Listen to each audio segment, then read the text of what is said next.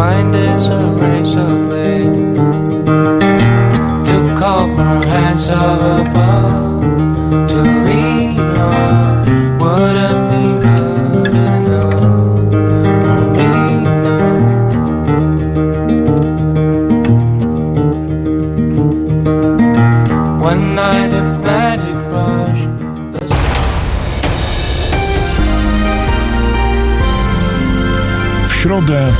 21 do 23 telefony od Państwa odbiera dr Tomasz Kowalczuk, politolog i filozof.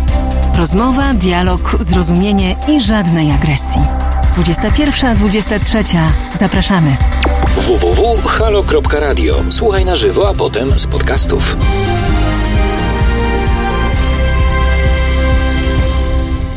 Dzień dobry Państwu, jest godzina 13. Przed mikrofonem Irina Nowochatko-Kowalczyk. Y, Najbliższe dwie godziny spędzę z Wami ja, razem z moimi gośćmi. Za chwilę do nas y, dołączy mój pierwszy gość. Y, Będzie to y, Maria Harmast ze Stowarzyszenia za Wolną Rosję.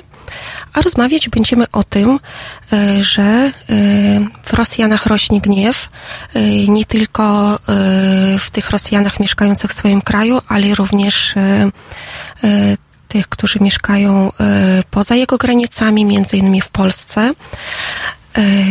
Pani Maria, która za chwilę do nas dołączy, y, właśnie widzę, że już jest z nami w studiu, witamy serdecznie, y, opowie o tym, y, co robię tutaj w Polsce, od jak dawno jest z nami i może już od razu przekażę mojej gościnie głos. Witam serdecznie, dziękuję bardzo, że do, do, dołączyłaś do nas. Czy nie będzie przeszkadzało Tobie, jeżeli będziemy, skr- skrócimy ten dystans i będziemy mówili sobie na Ty? Tak, jak najbardziej, nie ma problemu. Witam serdecznie. Już zdążyłam troszeczkę opowiedzieć e, o tym, że mieszkasz w Polsce, e, ale aktywnie działasz e, na rzecz Rosji, między innymi w obronie demokracji w Rosji. Powiedz może proszę na początek, jak długo tutaj jesteś i czym się zajmujesz? Dzień dobry, ja nazywam się Maria Harmast. Myślę, że mm, powiedzenie, że działam w obronie demokracji, to, to byłoby e, zbyt e, e, e, głośne powiedzenie, a nadużycie, ja bym powiedziała, ponieważ e, no, generalnie e, nasza organizacja, Stowarzyszenie za Wolną Rosję e, e, oraz e, działania, które prowadzimy, e, są nakierowane na no, raczej takie, takie działania jak em, obrona wartości demokratycznych. E, I em, współpracujemy z innymi osobami pochodzenia rosyjskiego, jakby tworzymy taką diasporę i działamy w różnych zakresach. Jakby wspieramy te osoby, wspieramy ich integrację w Polsce, Pomagamy im w zachowaniu języka, e, tożsamości, pielęgnowania tożsamości. E, Jakby na tym się skupiają nasze działania. Y, Właśnie na tych działaniach, y, na których się skupiacie, chciałabym porozmawiać jeszcze y, bardziej dokładnie w kolejnej części naszego programu, a na pewno naszych słuchaczy interesuje przede wszystkim skąd przyjechałeś, jak dawno mieszkasz w Polsce i czym się zajmujesz oprócz tego, że działasz w Stowarzyszeniu za Wolną Rosję. E, Ja przyjechałam do Polski 20 lat temu, właśnie w, e, we wrześniu e, obchodziłam e, Rocznicę. rocznicę. E, e, Mieszkam w Polsce już dosyć dawno, e, znam polski, pracuję z językiem polskim, z językiem rosyjskim. Jestem z zawodu tłumaczem. Zarówno e, tłumaczę pisemnie, jak i e, ustnie. Jestem tłumaczem konferencyjnym. E, W, do, e, w Polsce na początku studiowałam, studiowałam socjologię, następnie pracowałam w organizacjach, e, zajmowałam się głównie wymianą, organizacją szkoleń e, z takiej branży jak ochrona zdrowia. Y, A powiedz proszę, y, kiedy dokładnie zostało, y, powstała org, organizacja Stowarzyszenie za Wolną Rosję, bo mieszkasz w Polsce przez 20 lat, ale to jeżeli chodzi o to stowarzyszenie, to stosunkowo nie tak długo działa, prawda? E, Tak. e, Oczywiście zawsze, od zawsze otrzymywałam kontakt, przyjaźniłam się z innymi osobami e, z Rosji, którzy tutaj przyjechali, aby mieszkać, pracować. mm, I w 2015 roku właśnie spotkaliśmy się razem i postanowiliśmy, że założymy takie stowarzyszenie, że mm, będziemy próbowali coś robić dla tego, aby mówić o mm, wartościach, które nas łączą, em, o pomagać również innym osobom e, pochodzenia rosyjsko, e, rosyjskiego. A ja pamiętam, być może się mylę, to mnie poprawisz, e, bo pamiętam 2014 rok, kiedy protestowaliście członkowie stowarzyszenia przed ambasadą rosyjską, kiedy był temat aneksji Krymu. Czyli Tak. już wtedy, wte, wtedy już, już był zalążek tego stowarzyszenia, ale nie było jeszcze formalnie go, czy jak to było? Generalnie formalnie dopiero zarejestrowaliśmy się w zeszłym roku, w 2018. Natomiast no, jako grupa, jako stowarzyszenie nieformalne działamy właśnie od 15 roku, e, czy od 14 roku zaczęliśmy protestować. E, Właśnie jedna z moich koleżanek, założycielka tego stowarzyszenia, Masza Makarowa, wyszła przed ambasadę e, z plakatem. Tak, można powiedzieć, ona była taką twarzą tak, tamtych ona wydarzeń. była twarzą. tak. Mm, Chodziło o to, że wielu Rosjan nie zgadzało się w, e, z polityką rosyjską w tamtym czasie. Każdy z nas e, miał sporo pytań od e, naszych znajomych, przyjaciół w pracy, e, co się dzieje, co się stało, dlaczego Rosja e, zboczyła z tego kursu i złamała prawo międzynarodowe, co będzie dalej, e, e, co będzie dalej Rosja robiła. No i my musieliśmy tłumaczyć, że my się nie zgadzamy jakby z takim stanowiskiem e, i jesteśmy przeciwni e, e, e, zarówno aneksji Krymu, jak również e, e, wszczęciu działań wojennych na wschodzie Ukrainy. E, My nadal chcemy, mm, żeby Rosja pozostawała tym krajem e, e, europejskim, żeby hołdowała e, e, wartościom europejskim. A dlaczego Twoim zdaniem em, jest tak, było tak, że no, mimo, że e, osób rosyjskojęzycznych jednak w Polsce jest naprawdę dużo, w samej Warszawie tylko, to, to, to wówczas przed ambasadą, no to była jednak taka skromna grupka osób. Z czego to mogło wynikać Twoim zdaniem? Mm, Jeśli chodzi o Rosję, no tutaj nie jestem w stanie podać dokładnej liczby. Ja sama również nie wyszłam przed ambasady wtedy, e, mimo to, że się solidaryz- solidaryzowałam się z Maszą Makarową.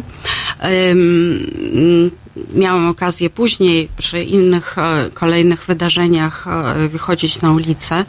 E, To może wynika z tego, że nie przyzwyczailiśmy się w ciągu tych ostatnich e, 30 lat, od 1999 roku do manifestowania jakby naszych poglądów prodemokratycznych, ponieważ wydawało nam się, że Rosja zmierza, rozwija się zgodnie z, z tymi zasadami, które zostały ogłoszone e, w, w 1989 roku, roku, w 1991 i podąża kursem demokracji. Staje się e, takim krajem, który jest szanowany na świecie, e, który szanuje swoich, swoich sąsiadów, e, lecz to przekonanie legło w gruzach, kiedy na początku po olimpiadzie zajęto Krym, następnie wszczęto wojnę, wo, wojnę w Ukrainie, na wschodzie Ukrainy, wprowadzono wojska no, w, w sposób taki e, nieco zakamuflowany, natomiast no, wiele osób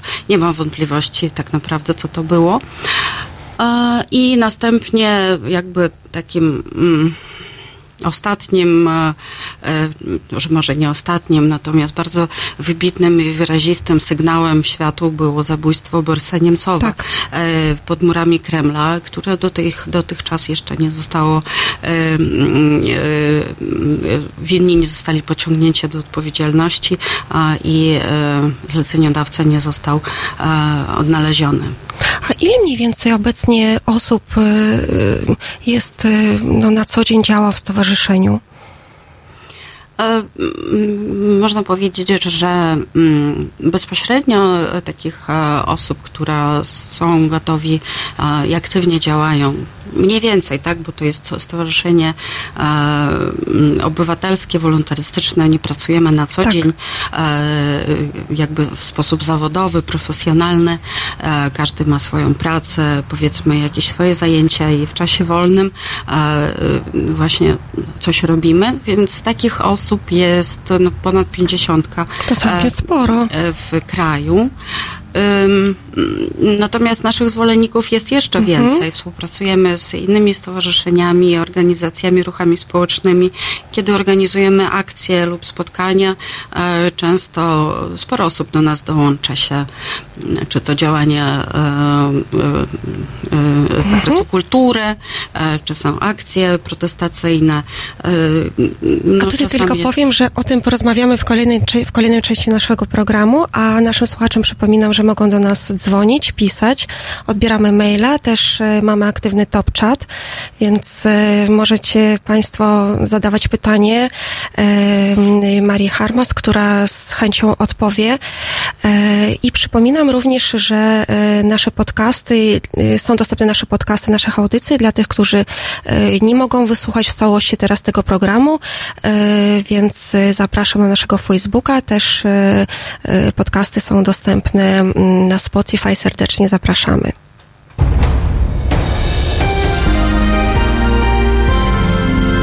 W środę Od 21 do 23 telefony od Państwa odbiera dr Tomasz Kowalczuk, politolog i filozof. Rozmowa, dialog, zrozumienie i żadnej agresji. 21-23. Zapraszamy.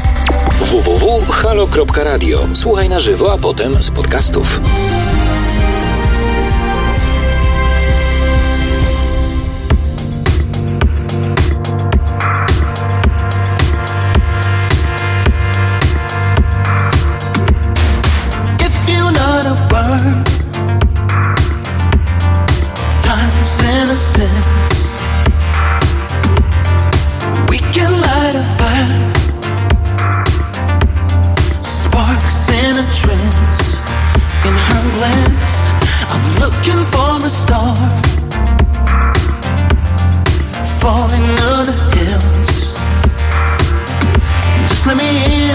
to win.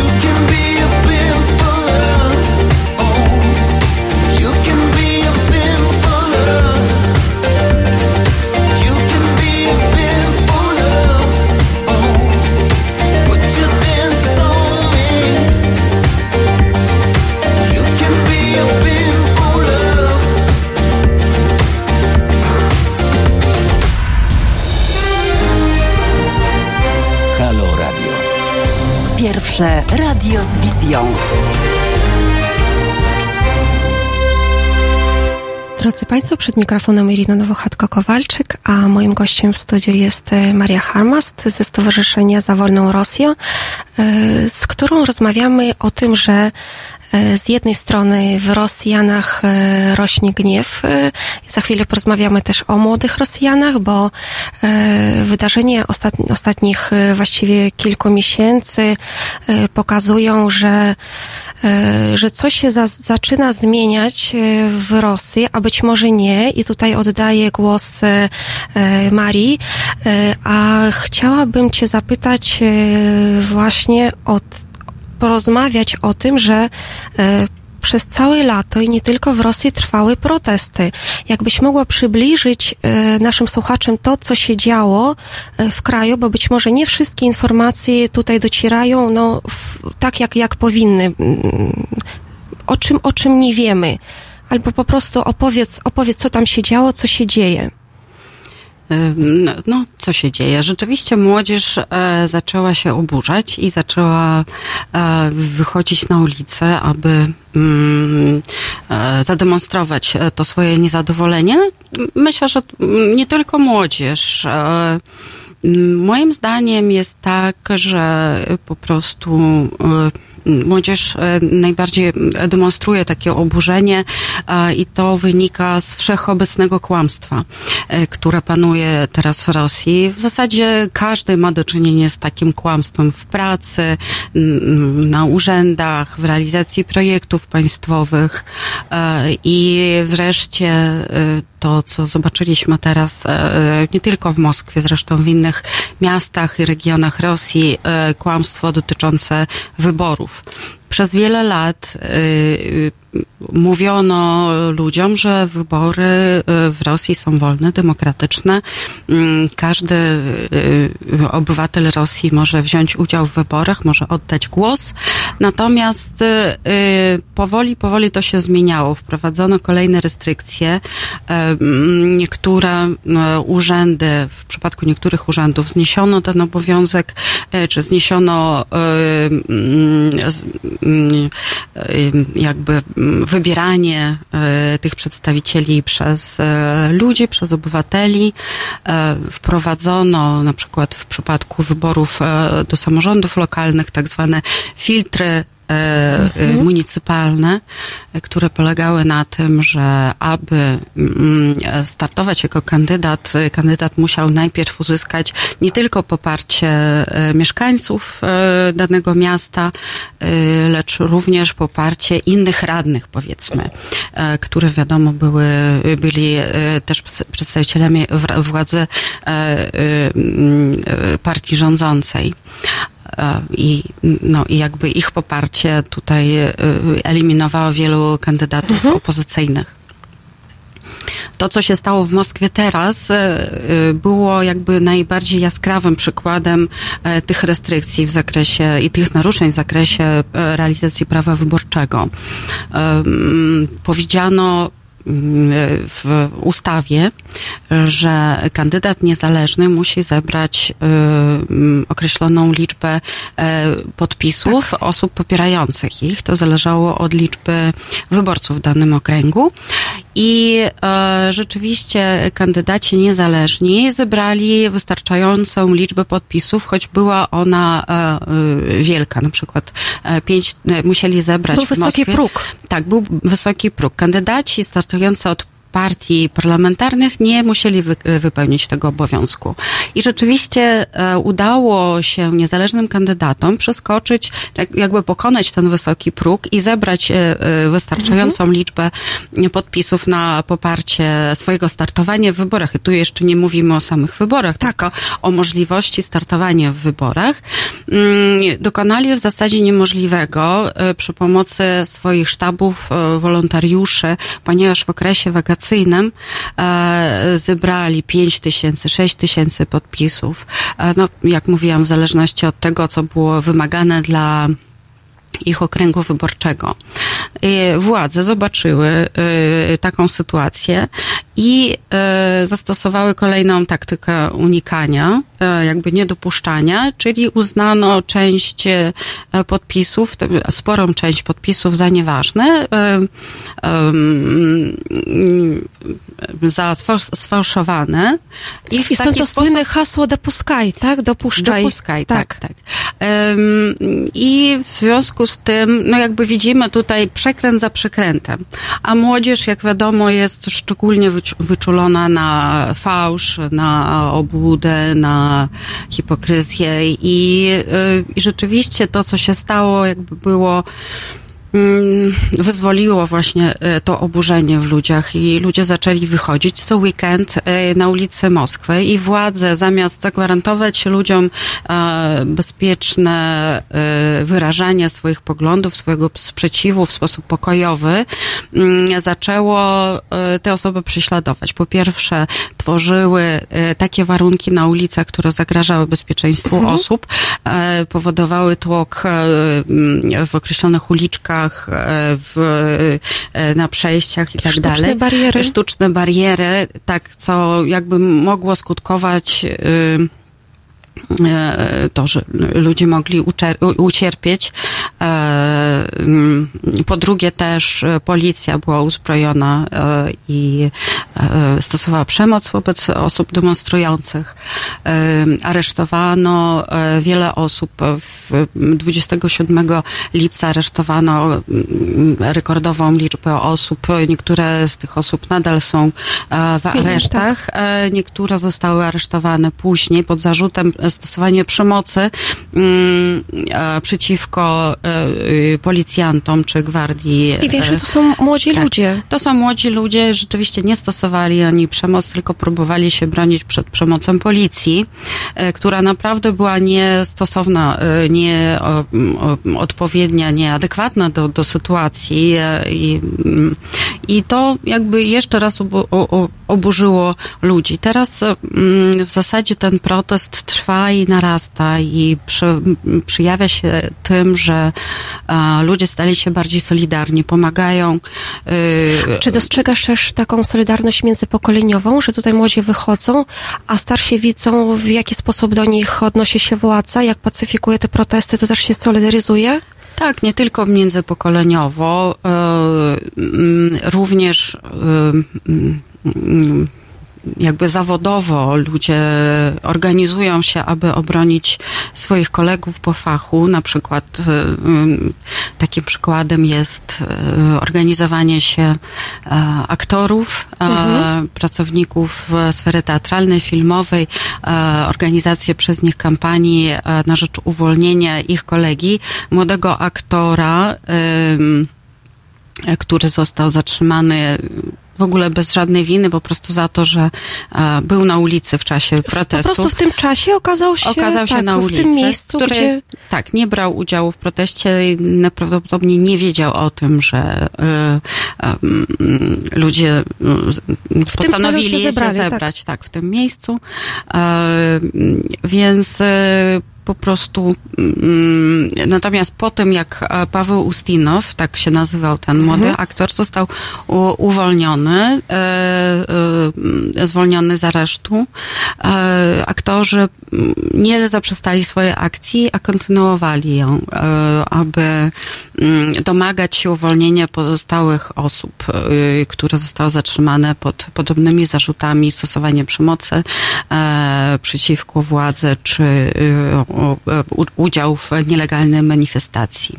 Czyli do społeczeństwa zaczyna docierać yy, nawet do tych, którzy do tej pory nie to, że nie brali udziału, bo być może po prostu nawet się nie interesowali, nie wnikali, co się dzieje, to teraz do nich do, do, doczyna, zaczyna docierać, jakie konsekwencje yy, mogą im, im grozić, nawet jeżeli będą spoza, tak? Nie, nie, nie, nie, nie, nie będą chcieli wziąć czynnego ud- udziału, tylko po prostu ukażą się w tym miejscu, w tym czasie, no gdzieś, yy, gdzie, gdzie, gdzie się odbywają yy, protesty, manifestacje. E, Maria, w następnej części programu jeszcze chciałabym ten wątek e, kontynuować, e, bo będziemy rozmawiać, zapytam Cię między innymi o to, czy protesty w takiej formie, w jakiej się odbywają, czy Twoim zdaniem mają sens? Ale zatem za chwilę, a naszym słuchaczom przypominam, że możecie nas oglądać na żywo również na kanale YouTube, oczywiście słuchać. Tutaj przypominam o naszej aplikacji halo.radio. Można nas słuchać w internecie, również z podcastów, do czego serdecznie zachęcam. Jutro. Od 17 do 19 Karolina Rogaska, która lubi ludzi, dlatego opisuje ich historię i lubi z nimi rozmawiać. 17-19. www.halo.radio. Słuchaj na żywo, a potem z podcastów.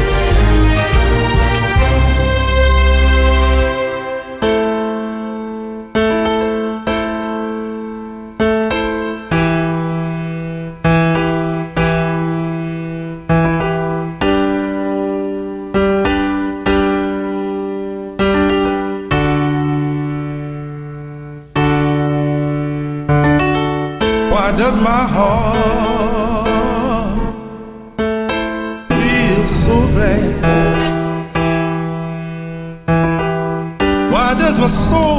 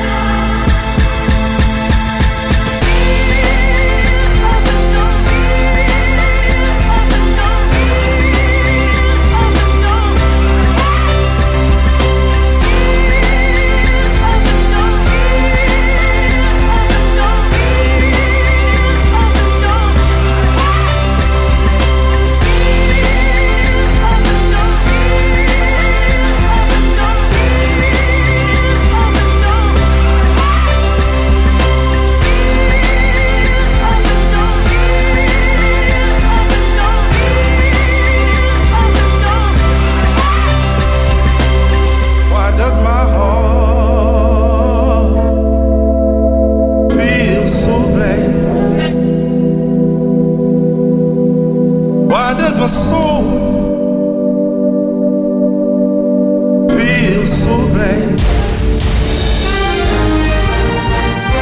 Halo Radio. Pierwsze radio z wizją.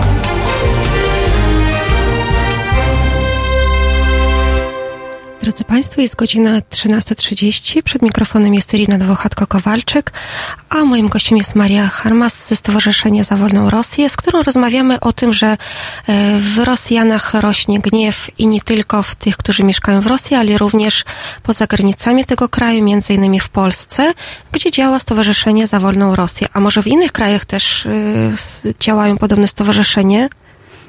Tak, e, działają podobne stowarzyszenia, działają e, organizacje, czy grupy, czy ruchy e, ludzi, którzy przyjechali z Rosji. Więc mówiliśmy wcześniej o protestach. Tak. I e, muszę powiedzieć, że e, e, od dłuż, dłuższego czasu mm, taką e, najbardziej e, rozpowszechnioną formą, formą protestu wśród Rosjan było tak zwane głosowanie nogami. Ludzie po prostu, jeśli uważają, że e, dane warunki czy środowisko jakby im nie odpowiada, nie zgadzają się z decyzjami e, władz lokalnych, to po prostu wyjeżdżają. No, bardzo często e, wyjeżdżają w- do innego miasta, zmieniają pracę, zamiast walczyć, powiedzmy, Czyli i dochodzić swoich praw. e, Odsuwają się od... tak można powiedzieć, tematu. tak, że, że odsuwają się. No też wśród młodzieży to może trochę ma mm, inną formę. Też młodzież wyjeżdża y, na studia. y, Młodzież widzi świat y, jako taki świat otwarty, tak? Już nie chce e, za sprawą e, różnych możliwości e, w zakresie komunikacji. Nie chce pozostawać w jednym miejscu, tak? I uważa, że może wyjeżdżać do innego miasta na studia, do innego kraju, e, podróżować sobie po świecie. I te warunki, które teraz próbują stworzyć władze rosyjskie, jakby e, wracają, mm, pr- próbują nas wcisnąć w te ramy e, tego świata, nie wiem, 30-40 lat temu. Mm, No, co jest, nie, nie jest możliwe w dobie teraz internetu um, i możliwości a, i globalizacji, które są, są teraz. Więc no, wracając do tematu migracji, rzeczywiście w, w ostatnich latach e, migracja e, osób wykształconych e, pochodzących z tak zwanej klasy średniej w Rosji e, jest rekordowa. Mm, Wyjeżdżają do Europy, do, do, na inne kontynenty. Oczywiście w Europie jest najwięcej. Sporo Rosjan mieszka teraz w krajach nadbałtyckich. W Polsce, w Czechach, e, w Niemczech. E, To są ludzie, którzy e, mają wyższe wykształcenie, takie zawody, które pozwalają im pracować również za granicą, znają języki. Siłą rzeczy też nie zapominają o swoich korzeniach i chcą pielęgnować swój język, chcą się spotykać z innymi mającymi podobną historię z Rosjanami i no siłą rzeczy też nie skupiają się tylko na tematach e, i życiu towarzyskim, lecz też e, no, chcą być aktywni, chcą też pomagać swoim kolegom czy innym ludziom, którzy są w Rosji, czy szczególnie teraz, jak e,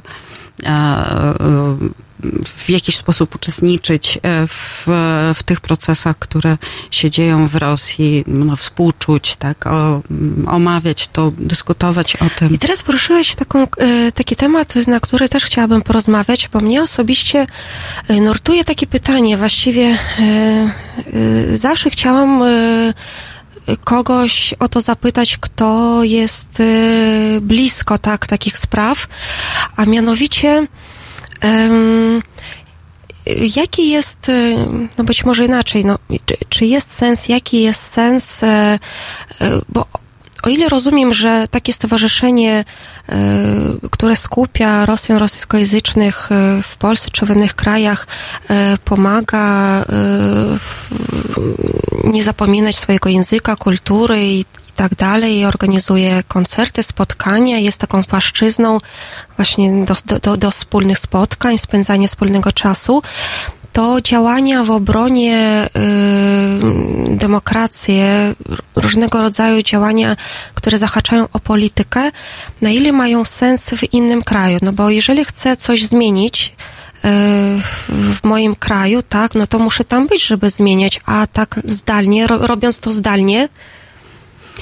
No, racja, rzeczywiście mamy ograniczone możliwości, jeśli chodzi o udział w tym życiu politycznym. A my założyliśmy, że naszym zadaniem jest e, dyskutowanie o, o, e, sprawach, e, o wydarzeniach w Rosji z Polakami, może informowanie Polaków o tym, że istnieje inna Rosja, nie tylko e, e, Rosja kremlowska, tak? E, I która teraz jest odbierana e, jako państwo wrogie w wielu krajach, e, wśród, no, jak, zarówno na poziomie politycznym, jak i wśród e, obywateli. Więc rozmawiamy, opowiadamy Polakom, tłumaczymy teksty, informacje z, o ruch, ruchu demokratycznym, ruchu Czyli jesteście też obywatelskim. takim medium, o, o e, medium, które przekazuje y, informacje takie, jakie Tak, są tak. z pierwszej ręki. Staramy się, prowadzimy e, taką stronę na Facebooku e, i również na naszej stronie publikujemy tłumaczenia artykułów i tłumaczenie wiadomości mm, mm, o działaniach społeczeństwa obywatelskiego w Rosji.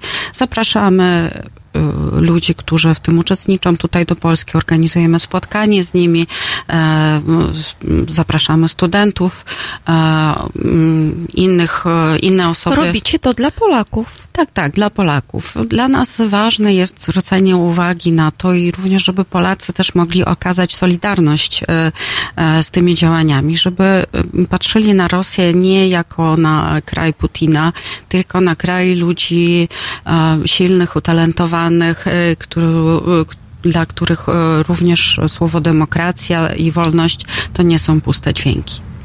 Maria, i tutaj mamy pytanie od naszego słuchacza, które z chęcią przeczytam. Jest to pan Mateusz Noga, który pyta, y, mam pytanie do pani odnośnie bezpieczeństwa obywateli w Rosji. Obywateli, którzy głośno sprzeciwiają się władzy. Niedawno doszło do zabójstwa Jeleny Grigoriewej, aktywistki broniącej spraw LGBT. Pytanie o bezpieczeństwo obywateli w Rosji. Zdecydowanie obywatel, e, który bierze udział w akcjach protestacyjnych i nie boi się protestować i przejawiać, demonstrować swoje przekonania, no powiedzmy nie jest e, e, bezpieczny. E, Jelena Grigoriewa, na ile mi wiadomo, e, kilkakrotnie zwracała się e, do, e, do policji w związku z pogróżkami, które otrzymywała od ludzi, którzy jej grozili za jej działalność, za jej postawę. Mm, Nie, nie otrzymała takiej obrony. Też jak e, widzimy w przypadku aktora, młodego aktora Pawła Ustinowa, on e, wcale nie brał udziału e, w akcjach protestacyjnych, po prostu znalazł, znalazł się w, nie, w, w tym miejscu i mimo to został zatrzymany i prze, przetrzymywany przez kilka miesięcy w areszcie. Wszczę, wszczęto przeciwko niemu sprawę karną i no teraz za nic e, tak naprawdę poniósł tą karę, za nic e, został osądzony. E, Wie, dzieje się tak z wieloma osobami. Nie tylko to są mm, represje bezpośrednie, czy e, pogróżki wręcz, że zagrożenia dla życia i zdrowia ludzi. Mm, Również to przybiera też inne postacie, na przykład osoby, rodziny, mm, które protestowały, otrzymały ostrzeżenia od władz, że mogą mm, być im zabrane ich dzieci. Za to, że e, mm, rodzice. To już się stało, bo poznam taki przypadek, jeden, kiedy y, tak się stało, że dzieci zostały odebrane za to, że rodzice no, były nie takiej orientacji jak y, Tak, e, jedna rzecz. Tak naprawdę teraz e, jest wiele powodów, e, dla których człowiek może się czuć w Rosji zagrożony. To demonstrowanie swoich postaw i poglądów. Drugie, właśnie otwarcie, otwarte mówienie o tym, że ma inną orientację seksualną, czy też niezgadzanie się z decyzją szefostwa, wszystko to może doprowadzić do mm, zagrożenia e, dla jego dzieci, czy zagrożenie dla życia i zdrowia Y, człowieka. O tym, czy obywatele w Rosji czują się bezpiecznie, o bezpieczeństwie y, obywateli w Rosji porozmawiamy w następnej części naszego programu. Ja przypominam, że możecie Państwo oglądać nas na żywo na kanale YouTube, słuchać za pomocą aplikacji Halo Radio, ale również za, za pomocą podcastów, które są udostępnione y, na naszym profilu Facebook oraz na stronie internetowej Halo Radio. Zapraszam. Dziś Między 15 a 17 aktywista miejski, wróg numer jeden pełnomocników 140-letnich właścicieli kamienic, przeciwnik betonu, miłośnik zieleni, Jan Śpiewak i jego goście 15-17. www.halo.radio. Słuchaj na żywo, a potem z podcastów.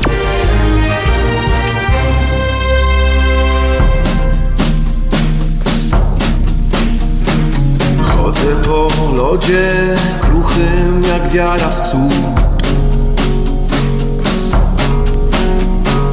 Walczę uparcie o lepszy grunt dla stóp nie ma mi okrętny losu rytm. Obietnicami, plami mi ufny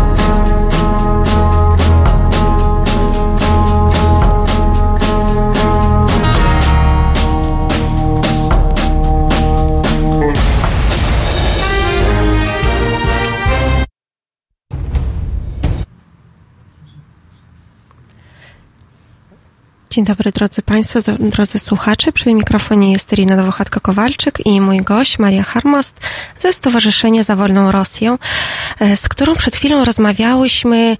e, Między innymi już poruszyliśmy wiele wątków, ale z, chciałabym, żebyśmy jeszcze chwilę porozmawiały o e, bezpieczeństwie obywatela w Rosji, tym bardziej, że to też interesuje naszych słuchaczy, którzy o to pytają.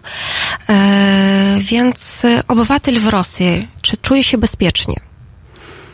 Ja chciałabym powiedzieć, że tak, no, kontynuując e, e, moją wypowiedź e, sprzed kilku minut, że tak, że rzeczywiście teraz jest taka sytuacja, że żaden obywatel w Rosji nie może się czuć bezpiecznie i głównie ta sytuacja wynika ni- z tego, że generalnie odgórnie jest inspirowany, inspirowana niechęć do ludzi, którzy się różnią e, od innych, którzy się inaczej zachowują. Jest e, taka atmosfera poszukiwania wrogów. Wystarczy, że odgórnie zostanie powiedziane, że e, osoba LGBT jest zła i to wszystko wznieca taką nienawiść już na najniższym poziomie, na, na poziomie otoczenia, ze strony sąsiadów. Mm, Tak samo się dzieje w przypadku osób o innym kolorze skóry, o nie wiem, innym pochodzeniu, o mm, o innej wierze, wierze i tak dalej. Także no, mm, wiadomo, że y, rządzić y, takim społeczeństwem podzielonym jest dużo łatwiej, ale no niestety to też procentuje i to też wpływa na takie mm, poczucie zagrożenia i odpowiednio generuje niebezpieczeństwo dla ludzi. Maria, ale to, co mówisz, też przypomina mi poniekąd sytuację w Polsce, bo tutaj też mamy taki rozłam, można powiedzieć, tak? E, Są osoby, które są, które, które, które są za LGBT, są przeciwko, demonstracje, antydemonstracje. E, Są osoby, grupa osób, które są przych- przychylne uchodźcom, są, są takie osoby, które za nic by nie, nie chciały przyjmować. Czy to nie, nie, nie widzisz takiej analogii, że, że jakoś, no nie wiem, po, po, podobnie, po, troszeczkę podobnie jest tu w Polsce i w Rosji pod tym względem? Ja właśnie Albo staje się uważam, że podobnie. dlatego, dlatego właśnie warto rozmawiać, wa, warto spotykać się z ludźmi, warto poznawać tego drugiego człowieka. A, czy jest to uchodźca? E, on przestaje być uchodźcą, kiedy poznajemy, jak ma na imię, e, e, jak dowiadujemy się, że ma rodzinę, że pracuje mm, i to Ale staje się takim... ma, mają podobne fobie, prawda? Po- Podobne obawy. Polskie społeczeństwo, rosyjskie społeczeństwo. Tak, być może, być może tak, tak jest. I właśnie z tego wynika nasza działalność. My próbujemy po prostu więcej o tym mówić, y, więcej poznawać szczegółów, poznawać ludzi, rozmawiać o tym.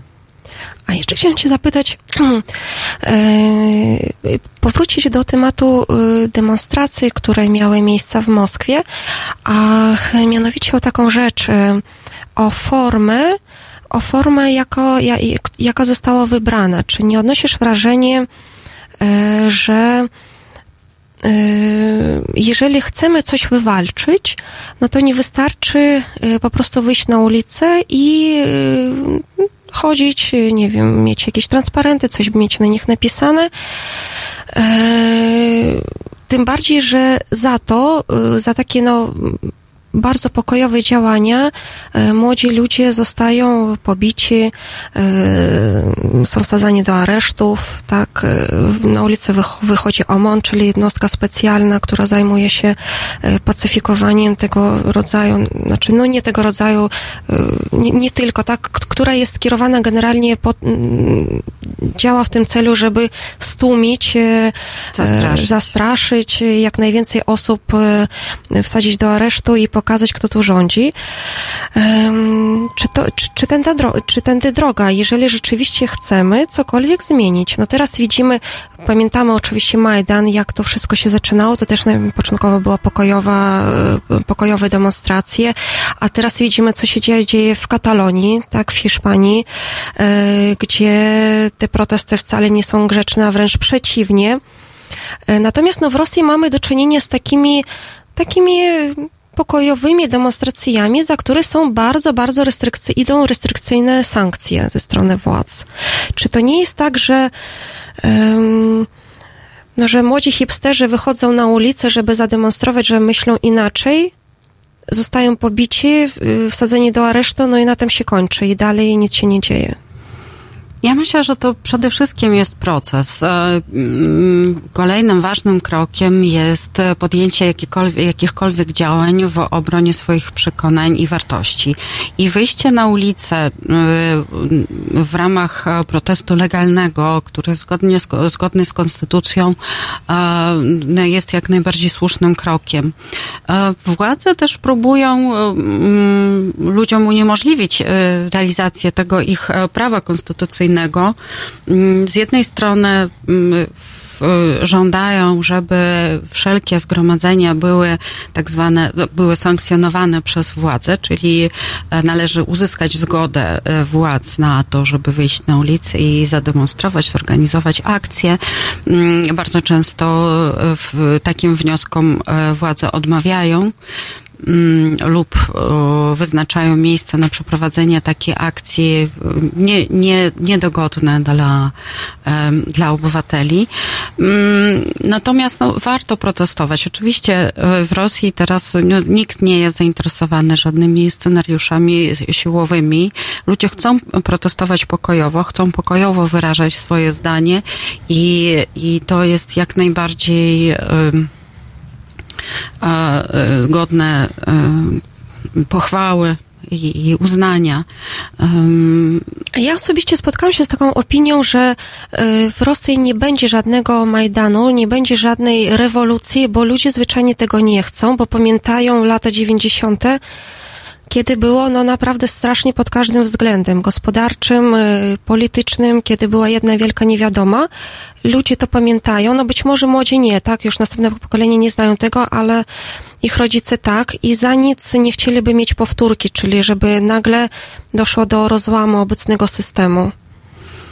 Być może tak, ale też w ciągu ostatnich pięciu lat y, y, media y, y, pro, pro, pro, prokremlowskie bardzo dużo wysiłku włożyły w to, żeby słowo Majdan stało się słowem strasznym, y, że cokolwiek ludzie nie zrobią, jest to porównywane z tak zwanym Majdanem, tak, więc próbuje się wmówić ludziom, Takie że... określenie pejoratywne. Tak, dokładnie. Próbuję się wmówić ludziom, że y, mm, wypowiadanie się swobodne, wychodzenie w obronie swoich praw jest czymś złym.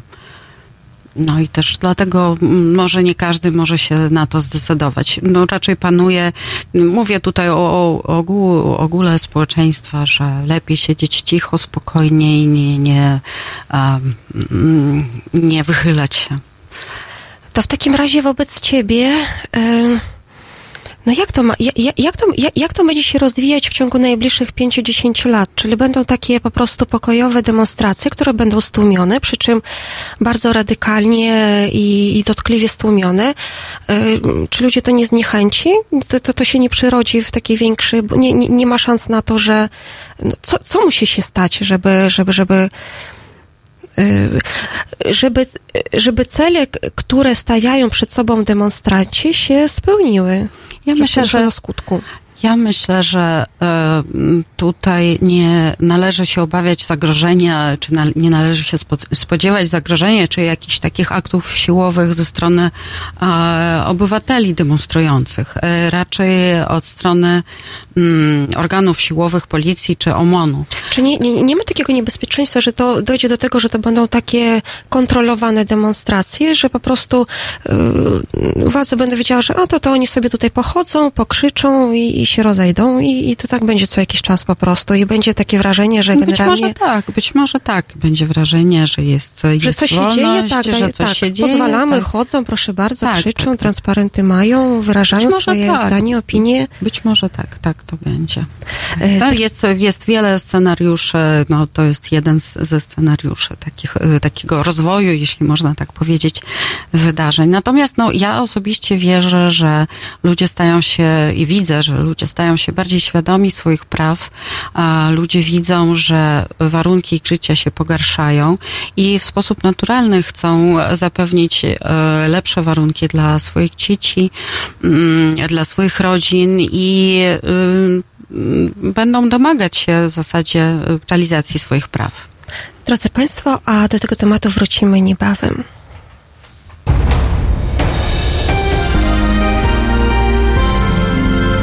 Jutro. Między 19 a 21 dziennikarz śledczy Tomasz Piątek i tajemnice sługusów Moskwy z polskimi paszportami. 19.21. www.halo.radio. Słuchaj na żywo, a potem z podcastów.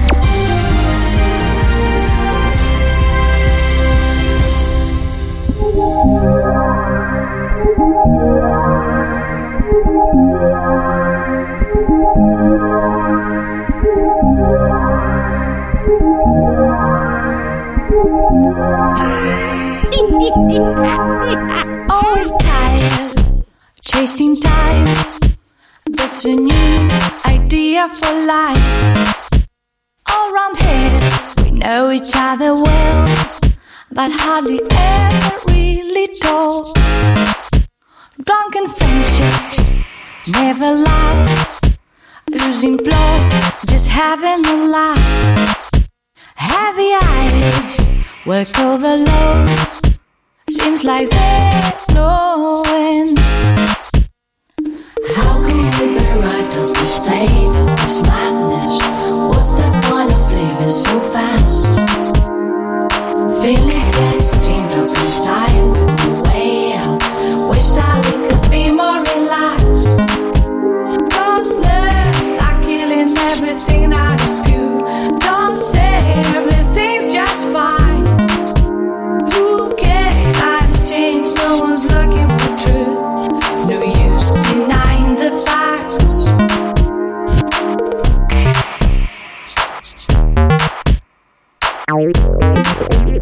Empty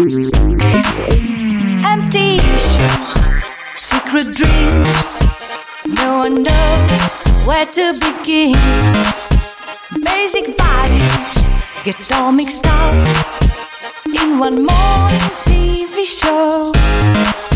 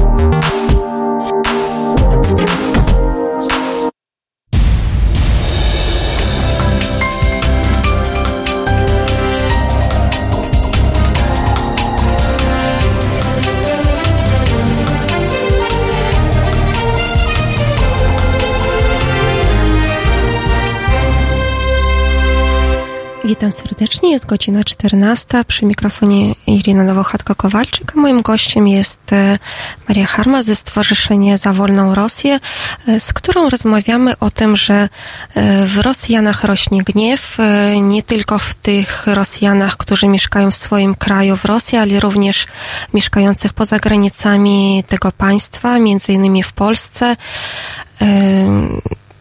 Przed chwilą rozmawiałyśmy z, z Marią o tym, y, że w, w Moskwie w ciągu ostatnich kilku miesięcach odbywały się e, duże protesty, że na ulicy miasta wychodzili głównie młodzi ludzie.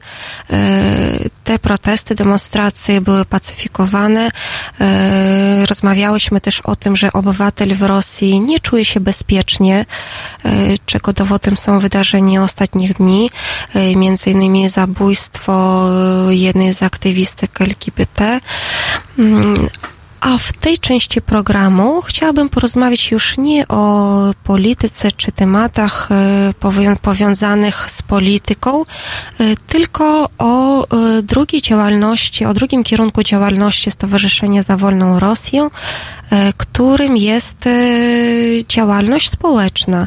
Opowiedz proszę Maria, czym się jeszcze zajmujecie, oprócz tego, że informujecie, występujecie w obronie praw demokracji. E, Co jeszcze robicie tutaj w Warszawie?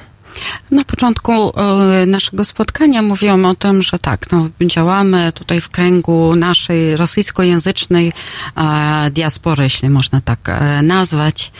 Mm, To, co robimy tak naprawdę mm, rozwinęło się dosyć spontanicznie, naturalnie. Zaczęliśmy mm, się spotykać razem z naszymi dziećmi kilka lat temu, aby czytać wspólnie książki, organizować wspólne zabawy, gry, rozmawiać po rosyjsku. Wielu, wie, wiel, wielu z nas ma, e, żyje w, e, w rodzinach, e, gdzie też się mówi po polsku. Dzieci nasze chodzą do polskich szkół, natomiast no, dla nas, dla mnie osobiście, również dla moich kolegów, koleżanek, jest ważne, żeby mm, nasze dzieci też e, mówiły dobrze po rosyjsku, żeby czytały rosyjską literaturę, interesowały się rosyjską kulturą. Więc od tego się zaczęło i rozpoczęliśmy takie zajęcia regularne w miarę w ramach klubu, który nazwaliśmy Klub Zawarka. E, Zawarka e, to, to jest po polsku herbata, esencja herbaciana, którą, nazwa, którą, e, którą pijemy i rzeczywiście to, to też stało, takim, stało się takim naszym e, stałym elementem. Kiedy się spotykamy w sobotę, zawsze w przerwach między zajęciami wspólnie, mm, my nazywamy to ci picie. E, Wspólnie pijemy herbatę, e, jemy ciasteczka, e, owoce, rozmawiamy na różne tematy. E, mm, Później to, to, to się rozwinęło w taki sposób, że zaprosiliśmy e, profesjonalnych nauczycieli, nasze dzieci podrosłe, e, przyszły inne dzieci naszych znajomych, czy też nie, nieznajomych osób, które jakby chcie, e, chciały tego samego, tak? Żeby mm, w tym życiu, powiedzmy w polskim społeczeństwie też mm, było miejsce na, gdzie się rozmawia po rosyjsku i gdzie wspomina, recytuje się rosyjskie wiersze, które tak są ważne. No i nie tylko oczywiście wiersze są ważne dla dzieci rosyjskich i ich rodziców, w ogóle dla, dla, każ, dla każdych wierszy w, e, w języku ojczystym są ważne. No wiersze to jest tylko tak nawiasem Tak. mówiąc. Więc mamy tako, taki klub, e, e, sobotnią szkołę nazywamy to, no to, to nie, nie przypomina w żaden sposób szkołę. Dzieci mają e, y, zajęcia w takiej atmosferze swobodnej, uczą się alfabetu, uczą się mówić, dowiadują się o, o różnych powiedzeniach, mają możliwość rozmawiania ze sobą. Również mamy taką godzinę zajęć artystycznych, albo y, to są zajęcia muzyczne, wspólne śpiewanie. Macie też szkoły letnie. E, Również prowadzimy letnią szkołę. Letnia szkoła też ma taki e, szczególny wymiar mm, integracyjny, ponieważ już od e, paru lat organizujemy taką szkołę dla grupy mieszanej. Połowa dzieci jest rosyjskojęzyczna, druga połowa polskojęzyczni. I odpowiednio w ciągu tych e, dwóch tygodni e, dzieci uczą się języka nawzajem od siebie, e, wspólnie uczą się zabaw, e, uczą się spędzania czasu e, razem. I te nasze działania jakby z jednej strony mają na celu pomóc dzieciom i rodzinom w zachowaniu swojej tożsamości, mm, również w integracji ich w polskim społeczeństwie. Niektórzy dopiero niedawno przyjechali do Polski, no i im zależy na tym, żeby ich dzieci czuły się dobrze i jakby nasze działania się do tego przyczyniają. A oprócz e, takich zajęć regularnych, takich spotkań e, w ramach klubu organizujemy e, e, spotkania e, czy świąteczne. Zawsze mamy w okolicach e, Świąt Bożego Narodzenia czy Nowego Roku takie spotkanie, spotkanie poetycko-muzyczne dla dorosłych. I te nasze działania e, no, mają e, wszelkie poparcie ze strony mm, władz miasta. Tak, to jest ciekawe, tak. Tak, tak. e, Jakbyś mogła więcej opowiedzieć o tym, y, bo gdyby nie poparcie władz miasta Warszawy, to też wiele inicjatyw nie zostałoby zrealizowanych, prawda? Tak, dokładnie.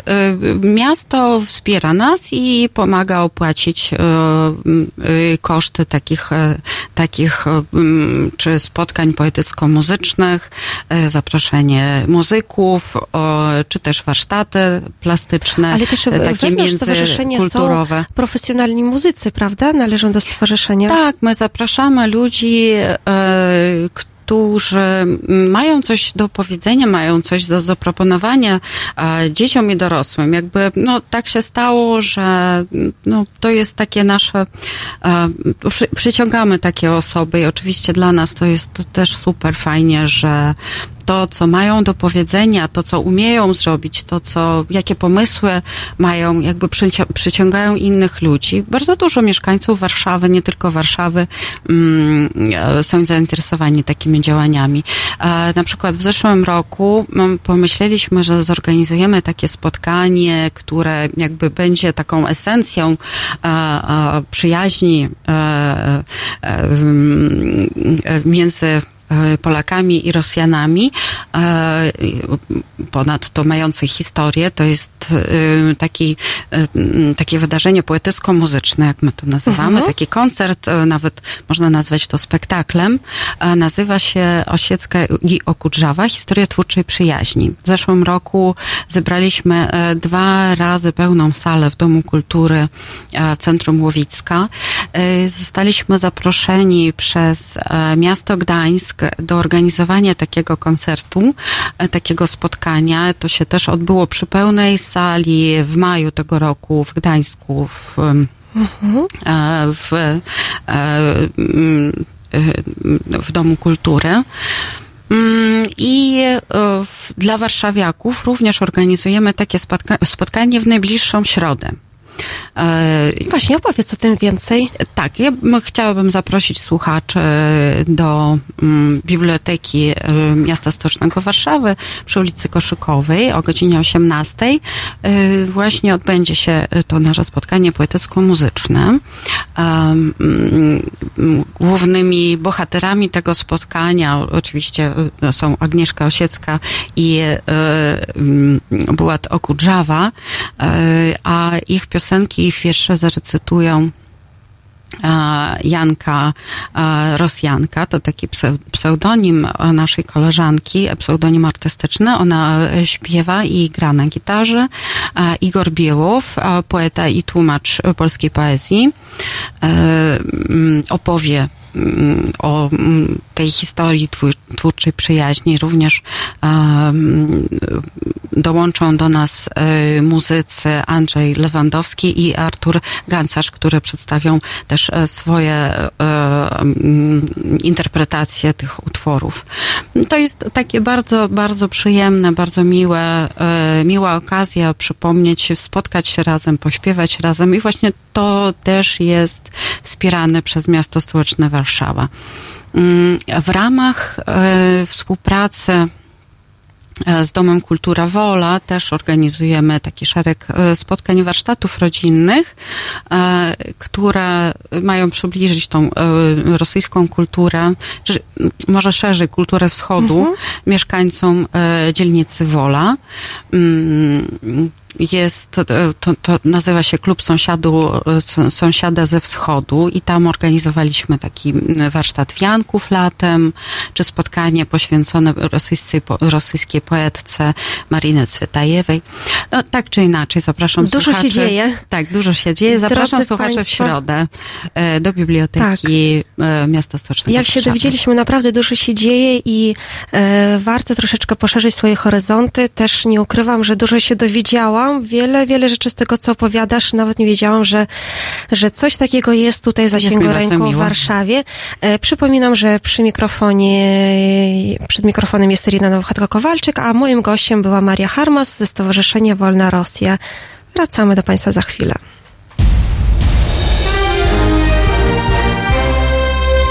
Środę Między 17 a 19 przewodniczący Związku Zawodowego Związkowa Alternatywa Piotr Szumlewicz o prawach pracowniczych, ich łamaniu i wspólnej walce o lepsze jutro. 17-19. www.halo.radio. Słuchaj na żywo, a potem z podcastów.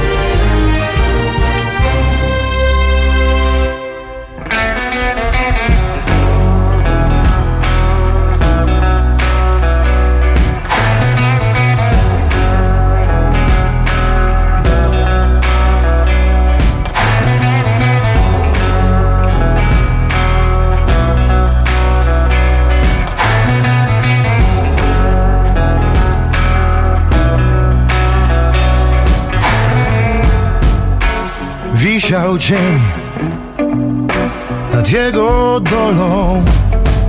On wył jak wilk nad własną zgubą. Chłód i blask polarną zorzą. Oczy jej zielenią zimną. Nie zawróci jej zawróci rzeki biegu, nie. Doskonale wie. Nie miał nic prócz samej wiary w to Że gdy spogląda w niebo Ktoś wysłucha jego. Ktoś by na szerokie wody mnie weź Jak woda tu wpłyń, wpłyń na mnie szerokie wody mnie weź Winę mą zmyj, zgaś ranę Bo igrałem z ogniem, z ogniem. I grałem Na szerokie wody mnie weź Wodą na młyn, boś dla mnie. Stąpał po ruchomych piaskach. Przegapił swą ostatnią szansę Ich serca to. Już inne miasta Zgubiły dom. Ich dusze bratnie Nie zastąpi jej A ona nie zastąpi jego nikim też. Musieli przez to przejść a może pisany sztorm. I wysłucha niebo zaniesionej dawno. Prośby na szerokie wody mnie weź Jak woda tu wpłyń, wpłyń na mnie. Na szerokie wody mnie weź Winę mą zmyj, zgaś ranę bo grałem z ogniem, z ogniem I grałem szerokie wody mnie weź wodą na młyn Boż dla mnie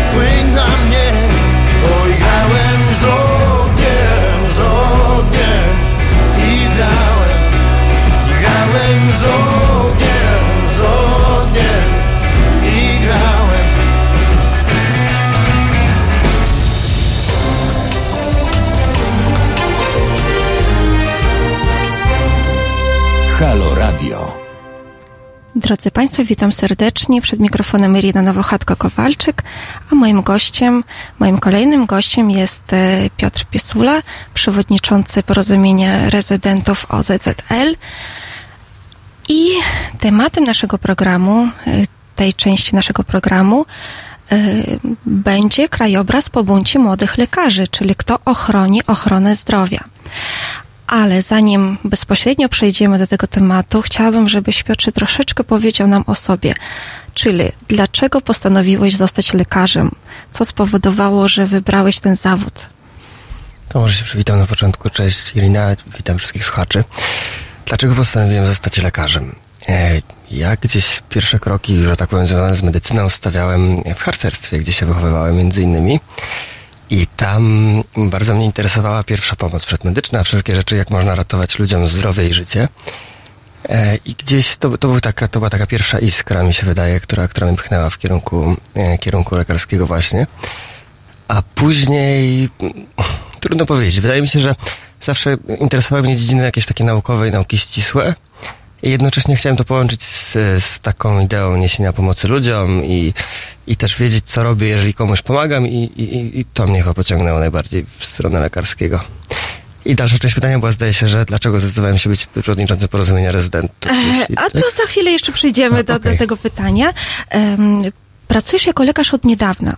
Tak jest. Em, I em, mnie osobiście interesuje i myślę, że moich słuchaczy też, y, czy młodzi lekarze po studiach, którzy przychodzą do szpitali, y, widzą, jak, jak, widzą, jak chory jest ten system, to znaczy, czy wcześniej o tym wiedzieli, czy ich oczekiwanie, twoje też oczekiwania, e, zobaczyłeś to, do czego, nie wiem, się nastawiałaś, że jest, jest tak, jak jest, czy jednak myślałeś, że to działa troszeczkę inaczej? Myślę, że to dużo zależy też od człowieka, którego weźmiemy sobie, że tak powiem, na warsztat, bo z jednej strony, mm, idąc na studia, myślę, że kompletnie nie mamy pojęcia, jak jest. Myślę, że lekarz to jest ta osoba, która, która ma wiedzę, ma umiejętności, stara się pomagać i, i gdzieś tam. e, Czyli bardziej idealistycznie do tego tak, podchodzicie. Tak, tak, to są ludzie pełni idei. E, W trakcie studiów, na zajęciach, czasem widać pewne niedobory systemu, da się z tym jakoś oswoić, ale myślę, że ten obraz nie jest pełny. Że, inaczej to zależy, bo ja na przykład robiłem bardzo dużo takich wolontariatów, że chodziłem do szpitala poza zajęciami na, na, na SOR czy na chirurgię, która mnie interesowała. I tam widziałem trochę więcej, ale też myślę, że to nie był pełny obraz. I, i, i dopiero wkraczając do systemu, czyli zostając lekarzem stażystą, okazuje się, jak jest naprawdę, gdzie, gdzie są jakieś granice Czyli na naszych studiach możliwości. wam o tym nie mówią. To znaczy, to nie jest tak, że nie mówią o tym na studiach, ale jest różnica między powiedzeniem czegoś, czy pokazaniem jakiegoś problemu przez prowadzącego, a tym, jak się już samemu idzie do pracy i, i wtedy się zderza z tą rzeczywistością już ja jako pracownik tego systemu. Czyli, czyli nie oglądając i ucząc się, jak robią inni, ewentualnie im pomagając, tylko już wchodząc w tą rolę gdzieś tam prowadzącego leczenia. I zanim przejdziemy do takich szczegółowych pytań odnośnie naprawy systemu ochrony zdrowia, chciałabym jeszcze zapytać Ciebie, czy y, y, jako młodzi lekarze przychodzący po studiach do szpitali rozmawiacie, y, widzicie te wszystkie nieprawidłowości, że, że coś działa nie tak, a, a, a tego naprawdę jest dużo, co działa nie tak. Czy rozmawiacie o tym ze swoimi starszymi kolegami, lekarzami, czy w ogóle pomijacie, nie, nie stykacie się w tej płaszczyźnie te, tematycznej? To zależy, bo z jednej strony są lekarze starsi, z którymi da się o tym porozmawiać i, i gdzieś tam wymienić poglądy, którzy widzą taką potrzebę zmian, a, a z drugiej strony myślę, że część lekarzy mm, też mm, proszę wziąć pod uwagę, że no, mi się wydaje, że moje pokolenie jest takim, można powiedzieć, pierwszym pokoleniem wychowanym dopiero w, w wolnej Polsce, a wcześniej gdzieś tam większość tego, tej społeczności lekarskiej wydaje mi się, że, że, że, że wychowana właśnie w tych czasach komunistycznych myślę, trochę inaczej do tego podchodzi. Mhm. Jest, jest, mi się wydaje, że on trochę łatwiej akceptuje jakby pewne niedobory systemu i albo może z całym szacunkiem oczywiście do, moich, do, do wszystkich starszych lekarzy, to, to nie mówię tego, żeby ich w żaden sposób obrazić. Natomiast, natomiast w pewien sposób jest przyzwyczajony do tego, że system może być zły i potrafi się w tym jakoś odnaleźć, a jednocześnie trudniej, myślę, im wzbudzić w sobie taką potrzebę jakiegoś, e, nie wiem, no może buntu to jest za duże słowo, ale, ale właśnie jakiegoś takiego inicjowania takich zmian. Mhm. I część takich lekarzy, myślę, że, że, że, że czasem jest trudno rozmawiać ze starszymi kolegami o tym, e, i, i że coś jest złe i tak dalej, ponieważ oni są przyzwyczajeni albo, albo po prostu tak jest i dla nich to jest zupełnie naturalne. I, i, i czasem nie widzą tego tak jak my, jak, jak młodzi lekarze. Czym jest porozumienie rezydentów, rezydentów OZZL, czyli ogólnopolskiego, y, y, to jest ogólnopolskie stowarzyszenie, y, które skupia młodych lekarzy. Czym ono jest? No, poniekąd wiem, ale też chciałabym, żebyś powiedział o tym naszym słuchaczom, tak? Oczywiście. E, Jeżeli w jakiś sposób się wyrażę niejasno, to oczywiście to jest też napisane na naszej stronie Tak. rezydenci.org, natomiast ym, możemy dwojako rozpatrywać to pojęcie. Z jednej strony porozumienie rezydentów, i to jest wydaje mi się taki, taka główna powiedzmy definicja, to jest pewnego rodzaju ruch społeczny, który można powiedzieć, że jest oddolnie mm, gdzieś tam założony, czyli jest to grupa kilkunastu, nawet może nawet ponad 20 tysięcy osób, których łączą jakieś wspólne cele i wartości i w ramach osiągania tych wspólnych celów i wartości są w stanie się mobilizować i próbować swoim działaniem wpływać na system. I to jest najczęściej, znaczy w tej grupie mówimy oczywiście o młodych lekarzach, nie tylko rezydentach, bo rezydent, rezydentura jest tylko jednym z trybów zdobywania specjalności, ale generalnie młodzi lekarze w trakcie specjalizacji albo krótko po specjalizacji, czyli młodzi specjaliści nawet e, gdzieś tam z nami pracują, e, czy stażyści właśnie, czyli ci lekarze zaraz po studiach. Natomiast porozumienie rezydentów OZZL to jest struktura, która powstała taka sformalizowana w ramach e, Związku Zawodowego, Ogólnopolskiego Związku Zawodowego Lekarzy. E, i, I to jest, można powiedzieć, taka reprezentacja porozumienia rezydentów tego ruchu społecznego w tych strukturach związkowych sformalizowanych. Czyli mm, może taka właśnie grupa reprezentująca interesy młodych lekarzy, zorganizowana w ramach Ogólnopolskiego Tak Związku naprawdę zaczęło Lekarzy. być o Was głośno w 2017 roku, poprawnie jeżeli się mylę, kiedy, za, kiedy naprawdę usłyszał o Was cały kraj. Yy, wcześniej, a co robiliście wcześniej? Mm, Byliście tak. wcześniej? Byliście. Tak. z- z- Porozumienie rezydentów e, było założone, jeśli się nie mylę, zdaje się, że w roku 2007 chyba była, była, była pierwsza, że tak powiem. E, Ale wszyscy instancja. usłyszeliśmy o Was w Tak momencie, jest. kiedy zorganizowaliście naprawdę ogromną akcję, y, mobi- zmobilizowaliście się niesamowicie, y, mówię o akcji głodowej. Tak jest. No, to było tak. W 2007 roku powstało porozumienie rezydentów pierwotnie, ale potem ono, powiedzmy, gdzieś tam zawisło trochę w próżni, e, bo to było przy okazji protestów lekarzy, które były w 2007 roku. E, I później w 2015 roku Damian Patecki z, z Krzysztofem Hałabuzem reaktywowali porozumienie rezydentów i od 2015 roku były prowadzone jakieś działania właśnie takie mobilizujące to środowisko, budujące gdzieś tam relacje i struktury, ale nie było one aż tak widoczne w mediach. Była na przykład taka akcja Adoptuj posła, której, która polegała na tym, że, że zachęcano do tego, żeby ludzie z naszego środowiska odwiedzali biura poselskie każdej możliwej opcji i rozmawiali z posłami o tym, jaka jest sytuacja w ochronie zdrowia, bo wielu posłów nie miało wtedy pojęcia o tym tak naprawdę. I jednocześnie na przykład skłaniało ich do tego, żeby wystosowywać jakieś interpelacje, czyli zapytania do Ministerstwa Zdrowia o tym, jak jest. E, Później były manifestacje też, ale no jednak te działania Adoptuj Posła i tak dalej, to, to było bardzo dobre, tak, bo, bo to gdzieś tam zbudowało wspólnotę, ale też nie przynosiło wielkiego efektu. Nie, nie przekładało się na jakieś e, realne zmiany w, ochronie zdrowia, które byłyby widoczne, namacalne. E, Stąd później właśnie też Damian Potecki zainicjował protest głodowy, który, który miał być takim trochę zawołaniem do społeczeństwa, myślę, e, pokazaniem tego, że jest naprawdę źle i, i że te zmiany są potrzebne i że jest tak źle, że my nawet Tylko tutaj dodam, głodować, tak? tak, że właśnie wówczas dotarliście z tym przykazem, że jeżeli nie wy, no to rzeczywiście ten system zostanie wyłączony. Że, że większość pracy y, całego systemu opiera się na pracy lekarzy rezydentów, stażystów w trakcie specjalizacji i to społeczeństwo, tak mi się wydaje, uświadomiło. Na pewno y, myślę, że, że, że takim dużym sukcesem tej akcji głodowej było to, żeby w ogóle zbudować w społeczeństwie świadomość tego, kim jest rezydent. Bo, bo często wcześniej, nawet do teraz się tak czasami zdarza, ale wcześniej często zdarzają się sytua- sytuacje, że przychodził pacjent y, do, do szpitala czy do przychodni i tam był rezydent, i pacjent w takiej sytuacji mówił, nie, nie, to ja, ja poproszę, żeby lekarz przyszedł jednak, tak? To, co jest y, oczywiście mm, pewnego rodzaju błędem, ponieważ rezydenci to Tak. są młodzi lekarze, tylko że akurat w trakcie specjalizacji. E, czy można powiedzieć, że system opiera się, opierał się wtedy wyłącznie na rezydentach? Myślę, że, myślę, że to byłoby nadużycie, że jednak specjaliści odgrywają ogromną rolę też w naszym systemie. Natomiast na pewno było tak, że w tamtym czasie było bardzo dużo problemów, e, jeśli chodzi o, można powiedzieć, prawa pracownicze na przykład rezydentów, czyli, czyli liczbę godzin, które oni pracują w tygodniu. E, Wynagrodzenia rezydentów nie były najlepsze wtedy. Teraz udało się je trochę podnieść właśnie po proteście głodowym jeszcze w kolejnej akcji. E, No i można powiedzieć, że, że, że wiele mm, oddziałów czy przychodni mm, funkcjonowało właśnie dlatego, że nadal tak jest, że funkcjonuje dlatego, jest grupa młodych lekarzy, którzy są młodzi, więc mają siły, e, a z drugiej strony ich gdzieś tam pensje nie są najwyższe, więc chcą dorabiać, jeśli mogą i potrafią przepra- przepracować po 200, po 300 godzin w miesiącu, nawet ponad 300 się zdarza.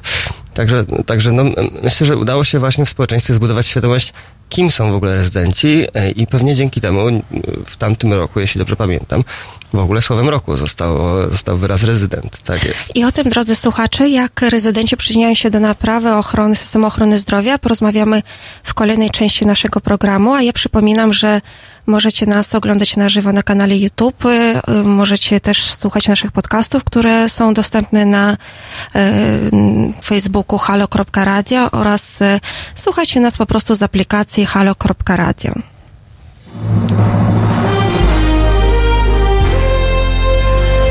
We wtorek. O poranku między siódmą a dziesiątą prawdziwy człowiek orkiestra Tomek Końca. Obudzi nawet umarłych. Siódma, dziesiąta. www.halo.radio. Słuchaj na żywo, a potem z podcastów.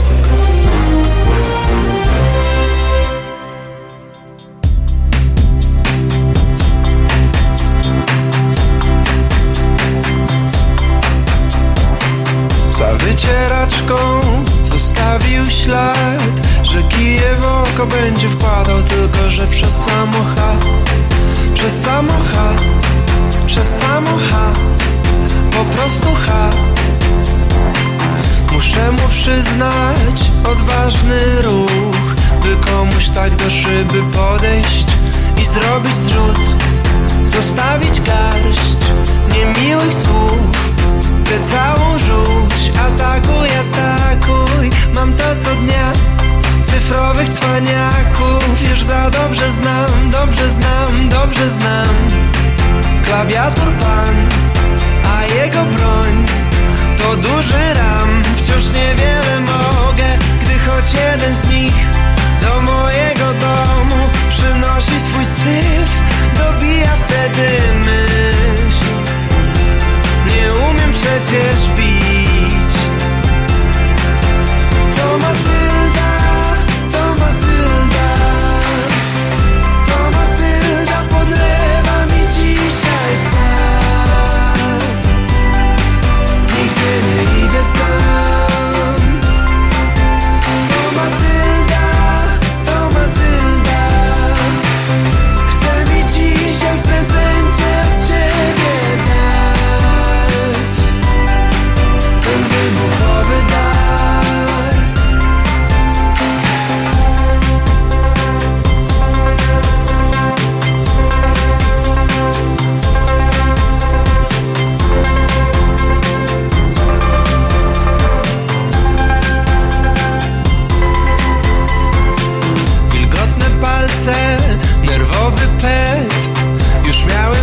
coś odpisać, ale nagle wiem Odetnę prąd, wyłączę go Zabiorę stąd.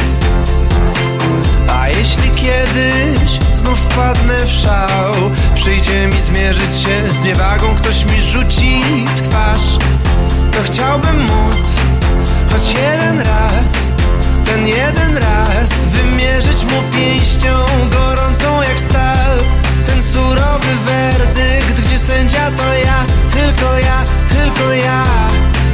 Bez żadnych ulg, odwołań, skarg Po prostu strzał. Wiem dobrze, że przemoc to najsłabsza z kart. I do mojej talii pasuje jak żart Lecz chciałbym tak jak ty. Pokonać wszystkich złych.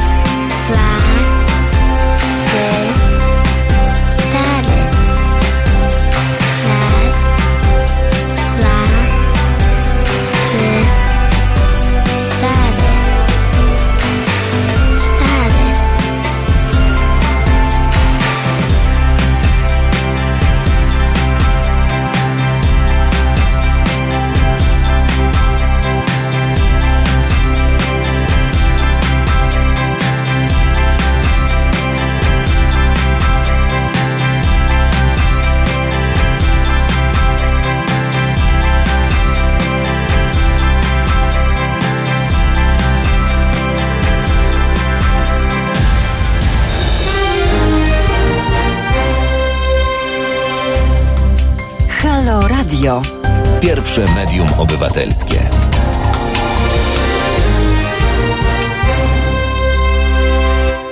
Witam Państwa serdecznie. Przed mikrofonem jest Elina Nowochatko-Kowalczyk i mój gość Piotr Pisula, przewodniczący porozumienia rezydentów OZZL. W razie pobądź młodych lekarzy, kto chroni ochronę zdrowia. E, I e, w tej części programu e, chciałam jeszcze zapytać, Piotrze, jesteś nową twarzą porozumienia rezydentów.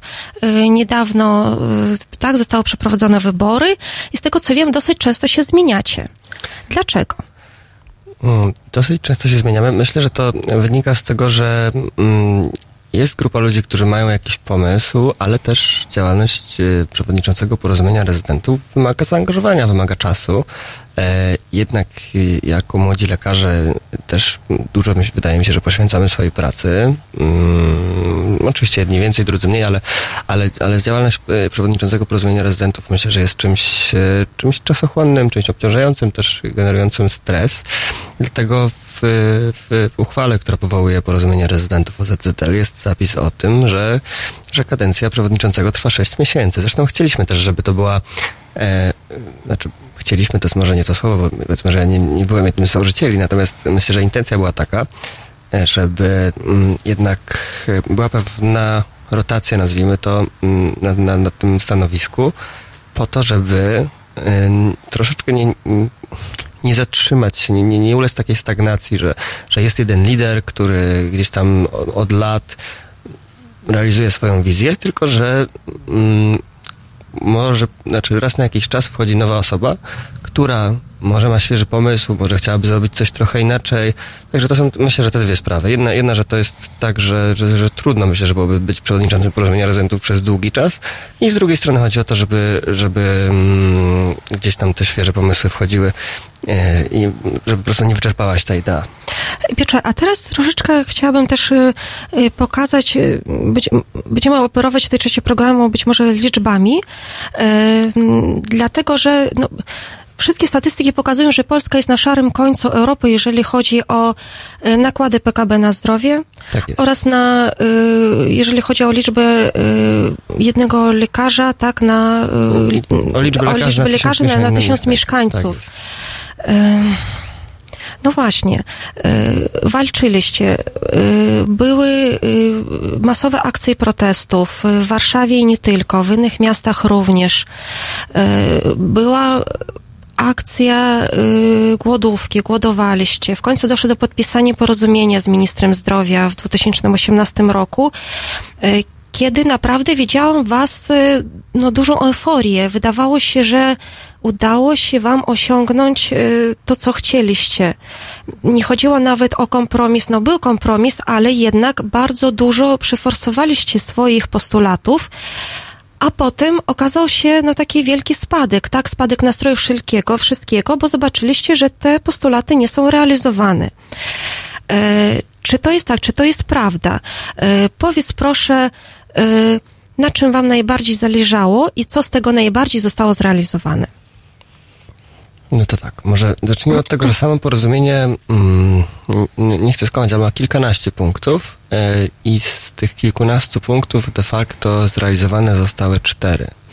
E, z takich niezrealizowanych, e, które bezpośrednio, myślę, lekarze odczuwają, to jest na przykład to, że nie, nie- zostały wprowadzone sekretarki medyczne, czyli nie, nie ma zawodu sekretarki medycznej, która miała być taką odpowiedzią na, na obciążenie biurokracyjne w pracy lekarza i, i, i całe wypełnianie dokumentacji, tak? No lekarze w pracy czasami na przykład siedzą i numerują kilkadziesiąt stron historii choroby, ponieważ ona musi być ponumerowana i jest Praca taki papierkowa, Tak, biurokratyczna. dokładnie. I zamiast skupiać się na pacjentach, muszą to robić. Ale jeśli chodzi o takie najważniejsze rzeczy, które nie zostały spełnione, mm, no to tutaj tym, co myślę najbardziej gdzieś tam nas zabolało, może tak, może zacznijmy jeszcze od, od początku, czyli tak.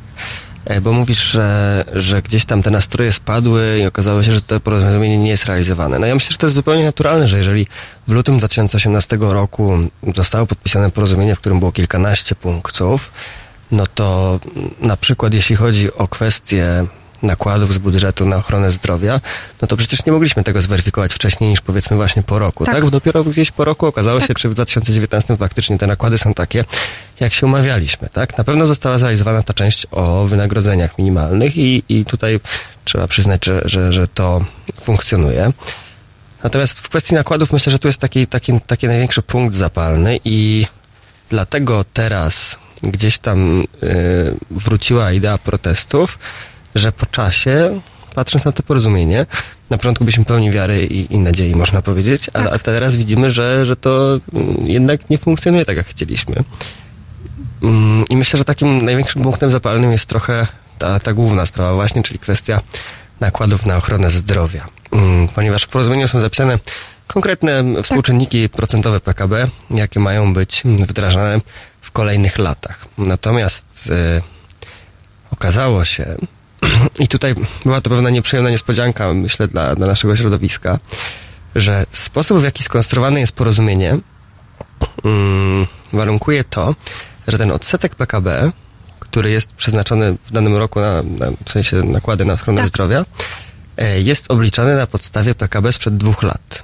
I tutaj e, no, była to pewna, można powiedzieć, pułapka taka legislacyjna, e, gdzieś tam, którą przeoczono z naszej strony.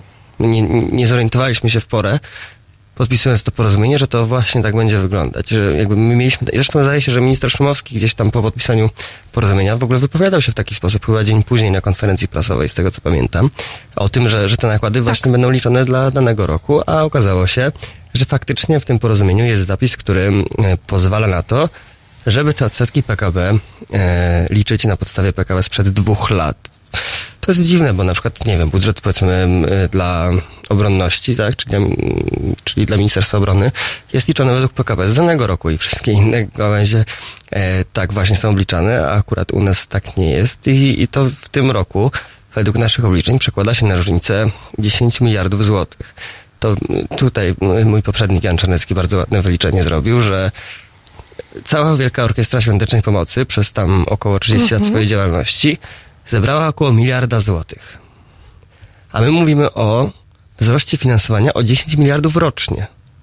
To proszę sobie wyobrazić, jaki skok cywilizacyjny to mógłby być dla naszej ochrony zdrowia, tak. gdyby tak było. No, natomiast, i, I to jest taka, myślę, najbardziej bolesna kwestia. I, i, i gdzieś tam poczuliśmy się oszukani.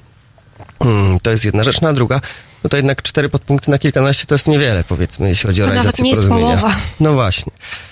No właśnie. I, i, I stąd myślę e, właśnie to, że tak jak porozumienie mówiło o tym, żeby wstrzymać się jako środowisko, odstąpić od nawoływania do ograniczania czasu pracy, no to w momencie, jak, u, jak uznaliśmy, że to porozumienie nie jest realizowane, bo nie jest, znaczy no, nie jest w pełni realizowane, no, no to, to właściwie oznacza w pewien sposób, że, że ministerstwo naruszyło y, gdzieś tam warunki tego I porozumienia. dlatego y, działacie w tym kierunku dalej, czyli y, akcje protestu trwają, one przyjmują różne formy, też y, na początku jesieni odbyła się no bardzo taka widowiskowa akcja przy Ministerstwie Zdrowia, y, kiedy na chodniku leżały worki z ciałami, y, oczywiście nieprawdziwy.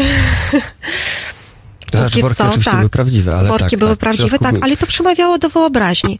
Um, obecnie jesteście też e, w, trakcie trwania akcji wypowiadania klauzuli opt-out. Może trochę o tym, co to jest za klauzula, żeby przybliżyć naszym słuchaczom, o, o czym mówimy. Jasne. To znaczy, to, to może też małe sprostowanie na dobry Mhm. początek. E, wystartowała akcja Zdrowa Praca, bo tak to się nazywa. Tak. I chodzi w niej nie tylko o klauzulę opt-out, bo, bo tam w proteście, który, który poprzedzał porozumienie właśnie w 2018 roku, chodziło o wypowiadanie klauzul opt-out, a teraz jest akcja Zdrowa Praca. Akcja Zdrowa Praca można powiedzieć, że ma takie dwa wymiary równoległe, w sensie równocześnie prowadzone. Tak. E, jednym z tych wymiarów jest taki wymiar właśnie, można powiedzieć, niejako protestacyjny, e, który mm, polega na tym, żeby ograniczyć swój czas pracy do 48 godzin tygodniowo przez lekarzy. Dlaczego tak? Dlatego, że 48 godzin tygodniowo to jest w ogóle norma unijna czasu pracy dla lekarza. I e, wydaje nam się, że, że jest tak, że wielu lekarzy, zwłaszcza młodych, pracując właśnie po 200, po 300 godzin w miesiącu, czyli przekraczając tą normę, e, trochę zaniedbuje swoje życie rodzinne, trochę mają na przykład problemów zdrowotnych. Później słyszymy, że po trzech Tak. dyżuru ktoś miał zawał i umarł. I, i chcielibyśmy trochę wpłynąć na, na, na mentalność e, środowiska lekarskiego właśnie w taki sposób, żeby pokazać, że, że ta praca w miarze do 48 godzin tygodniowo, ta zdrowa praca, to jest, e, to jest e, coś, coś dobrego, coś, co byłoby dla nich dobre. Tak? I to, to jest ten długofalowy wymiar. Więc z jednej strony mamy właśnie to protestacyjne wypowiedzenie, e, ograniczanie czasu pracy i tutaj myślę, że mm, nie przybrało to aż tak, tak dużego rozpędu, jak zakładaliśmy, że mogłoby. Choć z drugiej strony jeszcze nie wiemy, bo, bo teoretycznie to od 1 października miało y, się objawić, ale czasami jest tak, że na przykład czas pracy w danym szpitalu jest rozliczany kwartalnie, więc, więc dyrekcja może godziny z listopada przełożyć komuś na październik, żeby w kwartale się zgadzało całym. Więc może się jeszcze okazać w listopadzie, że, że, y, że z drugiej strony nie doszacowaliśmy tej akcji że, i że wielki boom jeszcze nas czeka. Z drugiej strony w ciągu ostatnich 20 miesięcy zamknęło się 300 oddziałów szpitalnych w Polsce. E, jaki był udział akcji Zdrowa Praca w tym? Trudno powiedzieć, ale na pewno przed wyborami było bardzo dużo doniesienia o tym. Tak. Bardzo głośna była sprawa na przykład przecież oddziału ginekologicznego w Zakopanem, tak, który się zamknął.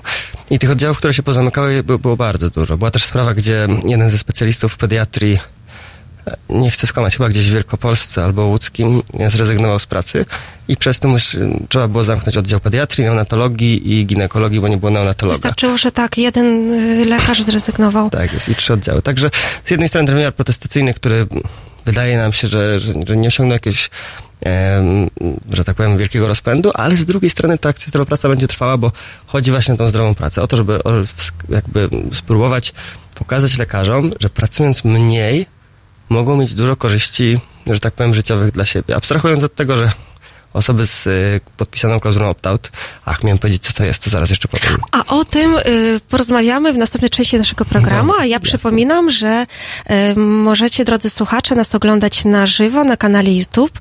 Możecie nas, nas słuchać za pomocą aplikacji halo.radio oraz y, korzystając z naszych podcastów dostępnych na naszej stronie internetowej halo.radio oraz Facebooku. Zapraszam serdecznie.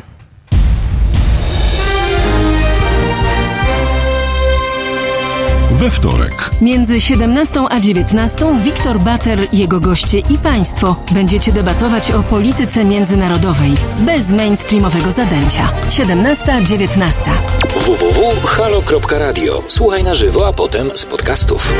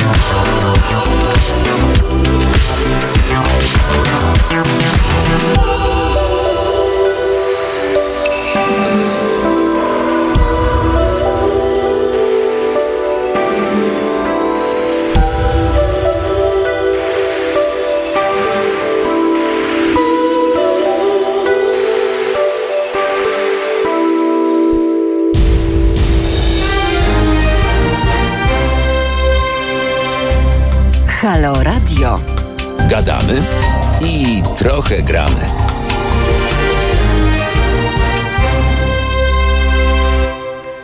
Drodzy Państwo, na, godzinie, y, na zegarze jest godzina 14.50. Przed mikrofonem jest Irina Nowochatko-Kowalczyk, a moim gościem y, w studiu jest Piotr Piesula, przewodniczący porozumienia rezydentów OZZL.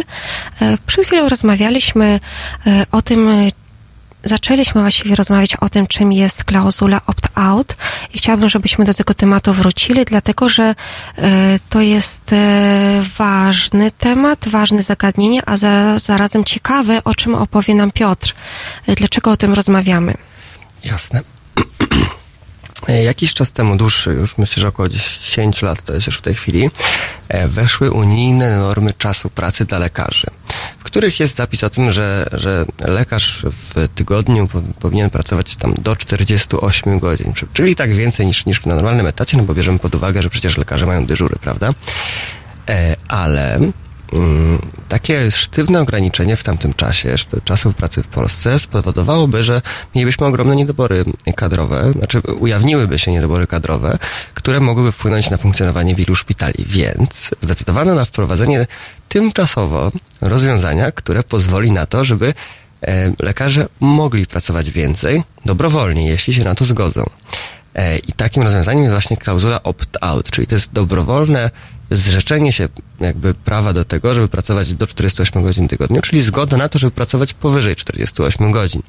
Natomiast e, te, zrobiło się tym głośno dlatego, że em, wiele osób nie miało o tym pojęcia, myślę, jeszcze w 2016 czy 2017 roku e, i idąc na przykład do pracy do szpitala wraz z umową o pracę rezydencką były im podsuwane też właśnie klauzule opt-out jako w ogóle wymóg. Ym, I, I było wiele sytuacji, w których e, podpisanie klauzuli opt-out było wymogiem pracodawcy do tego stopnia, że no, stosowano powiedzmy nie, do końca zgodne z kodeksem pracy metody wymuszania tak naprawdę podpisania takiej klauzuli. E, Różne formy nacisku można stosować na młodych lekarzy, od, od problemów po prostu w pracy z, z szefostwem do problemów z zaliczeniem szkolenia specjalizacyjnego. Także, także to chodziło o to, żeby dobrowolnie można było zgodzić się na, na, na czas pracy wyżej 48 godzin i miało być tymczasowo. A był moment, kiedy to było po prostu powszechne i wręcz wymagane. No i jest powszechne, bo y, zresztą tak jak y, mówicie w swoich y, apelach, zachętach, w ogóle we wszystkich, kiedy się zwracacie do społeczeństwa, do, do rządzących, podkreślacie to, że na was się trzyma właściwie no, cały system ochrony zdrowia. Jeżeli wy powiecie klauzulę opt-out, to po prostu zwyczajnie szpitalne oddziały się zamkną.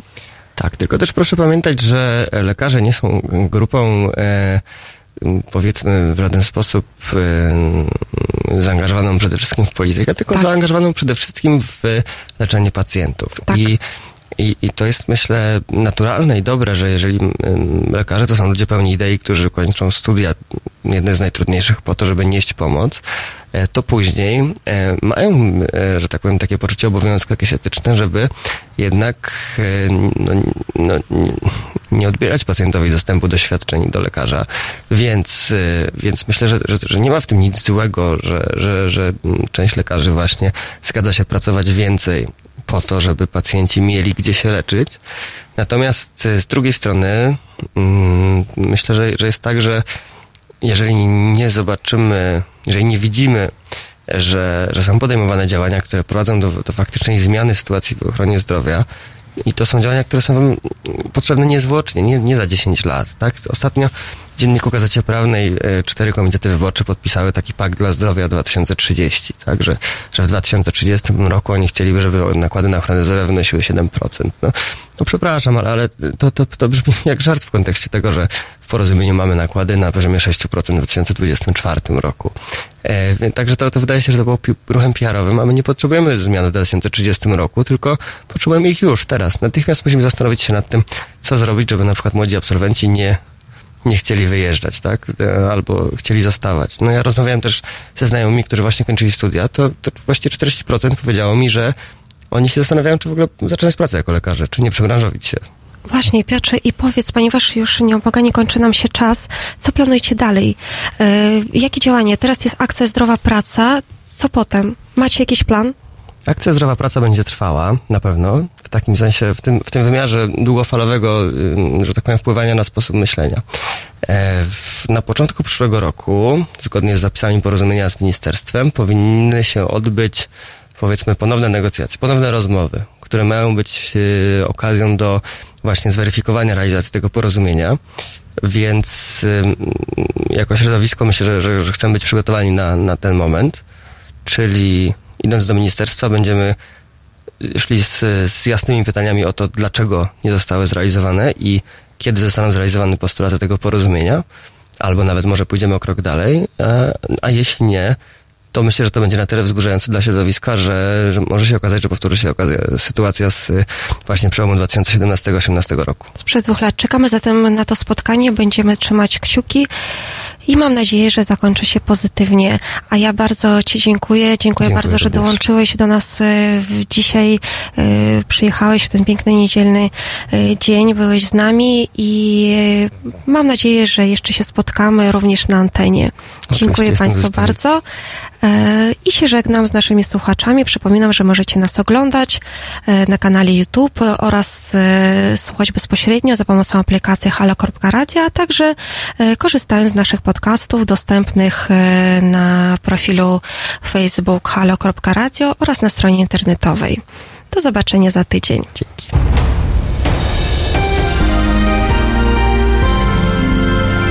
Dziś Między 17 a 19 Tomasz Raczek i fascynujący świat filmów. 17-19. www.halo.radio. Słuchaj na żywo, a potem z podcastów.